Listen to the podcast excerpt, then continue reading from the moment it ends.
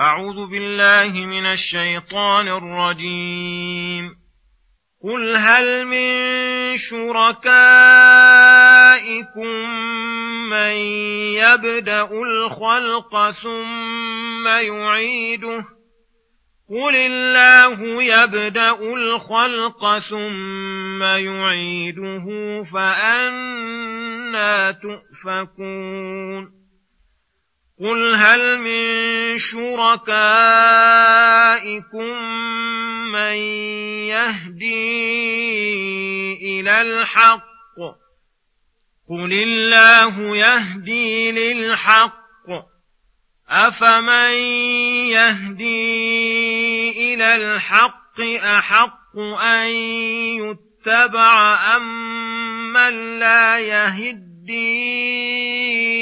إلا أن يهدى فما لكم كيف تحكمون وما يتبع أكثرهم إلا ظنا إن الظن لا يغني من الحق شيئا إن الله عليم بما يفعلون وما كان هذا القران ان يفترى من دون الله ولكن تصديق الذي بين يديه وتفصيل الكتاب لا ريب فيه وتفصيل الكتاب لا ريب فيه من رب العالمين أم يقولون افتراه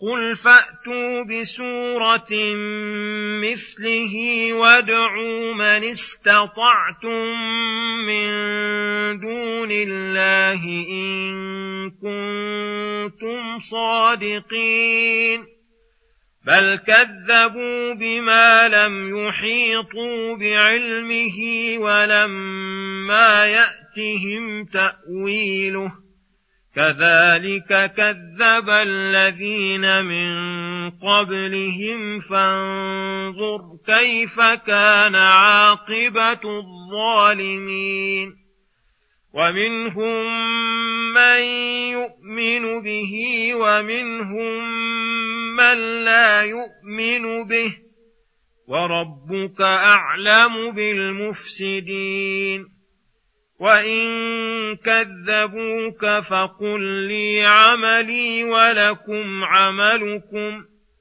أنتم بريئون مما اعمل وأنا بريء مما تعملون بسم الله الرحمن الرحيم السلام عليكم ورحمة الله وبركاته. يقول الله سبحانه قل هل من شركائكم من يبدأ الخلق ثم يعيده؟ قل الله يبدأ الخلق ثم يعيده فأنا تؤفكون الآيات. يقول تعالى مبين عجز آلهة المشركين وعدم اتصافها بما يوجب اتخاذها آلهة مع الله. قل هل من شركائكم من يبدأ الخلق أي يبتديه ثم يعيده؟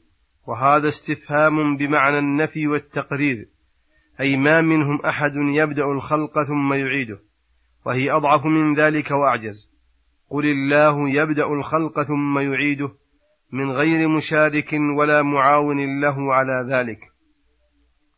فأنا تؤفكون أي تصرفون وتنحرفون عن عبادة المنفرد بالابتداء والإعادة إلى عبادة من لا يخلق شيئا وهم يخلقون. قل هل من شركائكم من يهدي إلى الحق ببيانه وإرشاده أو بإلهامه وتوفيقه قل الله وحده يهدي للحق بالأدلة والبراهين وبالإلهام والتوفيق والإعانة إلى سلوك أقوم طريق أفمن يهدي إلى الحق أحق أن يتبع أم من لا يهدي أي لا يهتدي إلا أن يهدى لعدم علمه ولضلاله. وهي شركاؤكم التي لا تهدي ولا ته لا تهدي ولا تهتدي إلا أن تهدى. فما لكم كيف تحكمون؟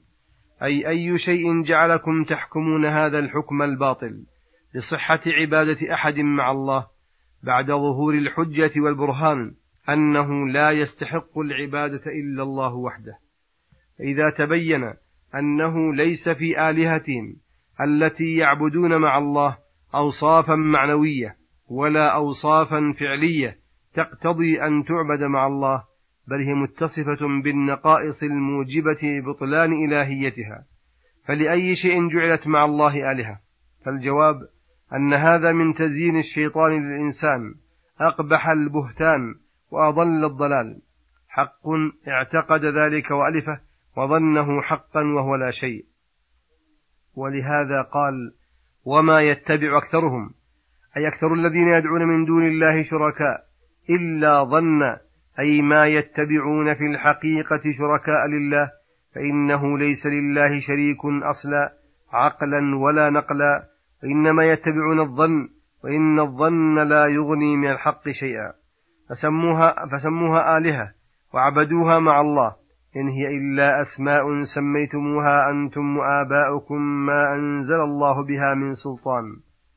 إن الله عليم بما يفعلون وسيجازيهم على ذلك بالعقوبة البليغة.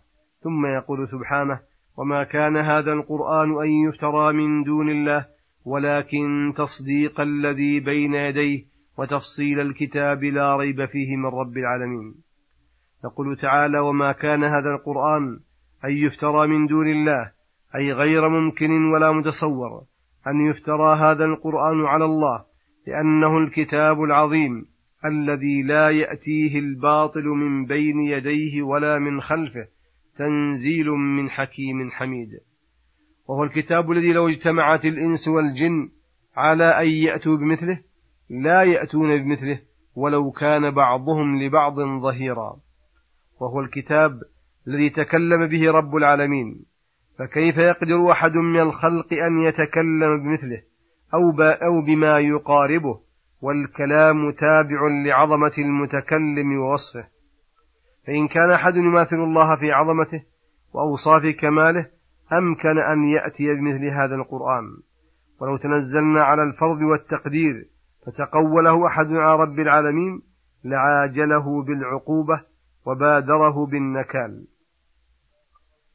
ولكن الله الذي ولكن الله أنزل هذا الكتاب رحمة للعالمين وحجة على العباد أجمعين.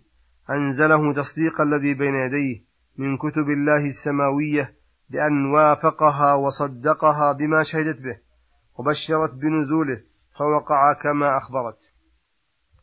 وتفصيل الكتاب للحلال والحرام والأحكام الدينية والقدرية والإخبارات الصادقة لا ريب فيه من رب العالمين أي لا شك ولا مرية فيه بوجه من الوجوه بل هو الحق اليقين تنزيل من رب العالمين الذي ربى جميع الخلق بنعمه ومن أعظم أنواع تربيته أن أنزل عليهم هذا الكتاب الذي فيه مصالحهم الدينية والدنيوية المشتمل على مكارم الأخلاق ومحاسن الأعمال.